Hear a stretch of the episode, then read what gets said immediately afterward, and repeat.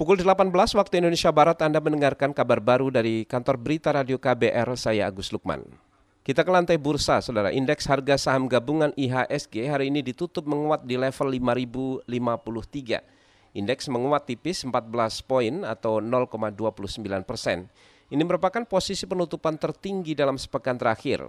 Sekitar 220 saham menguat, 190 saham melemah, dan 160-an saham stagnan. Sejumlah saham liquid yang menguat yang tinggi di antaranya PT Aneka Tambang menguat 6,25 persen, PT Vale Indonesia menguat 5,4 persen dan Wijaya Karya menguat 4,7 persen. Sedangkan saham blue chip yang melemah cukup dalam antara lain Kalbe Farma dan Semen Indonesia. Bursa saham utama Asia sebagian besar ditutup melemah kecuali Shanghai Composite Index ditutup menguat 1,6 persen. Di sisi lain mata uang rupiah melemah tipis 0,18 persen dan diperdagangkan di posisi 14.712 eh, per 1 dolar Amerika Serikat.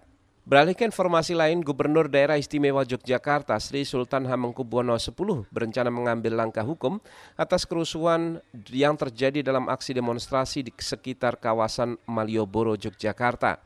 Dalam aksi yang terjadi Kamis kemarin terjadi perusakan di sekitar gedung DPRD Yogyakarta. Sri Sultan meyakini kekerasan dan kerusuhan yang terjadi sudah direncanakan sebelumnya. Saya menyesali ya kejadian Pak Anarki ya dan itu by design. Kenapa saya mengatakan itu? Karena yang dari mahasiswa, pelajar sama sama buruh sudah selesai di DPR, tapi ada sekelompok orang yang tidak mau pergi. Kita nggak mengenal dia siapa. Saya ingin kita pidana kita tuntut. Gubernur Daerah Istimewa Yogyakarta Sri Sultan Hamengkubuwono X mengatakan kerusakan yang terjadi tidak hanya pada fasilitas publik melainkan juga bangunan milik pelaku usaha di kawasan Malioboro. Ia meyakini pelaku perusakan bukan warga Yogyakarta melainkan pendatang.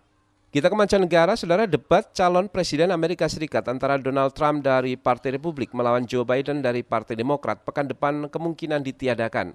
Mengutip Associated Press, debat kedua antara Trump dan Biden masih diliputi ketidakpastian. Sebelumnya kubu Joe Biden menawarkan debat secara daring atau online karena Donald Trump sebelumnya positif terinfeksi virus corona. Namun tawaran itu ditolak kubu Donald Trump.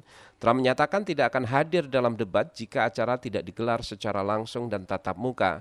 Kubu Joe Biden menawarkan agar debat calon presiden ditunda hingga dua pekan ke depan. Sampai saat ini Donald Trump masih dalam proses pengobatan dan belum bisa dipastikan bebas dari COVID-19. Demikian kabar baru dari KBR, saya Agus Lukman.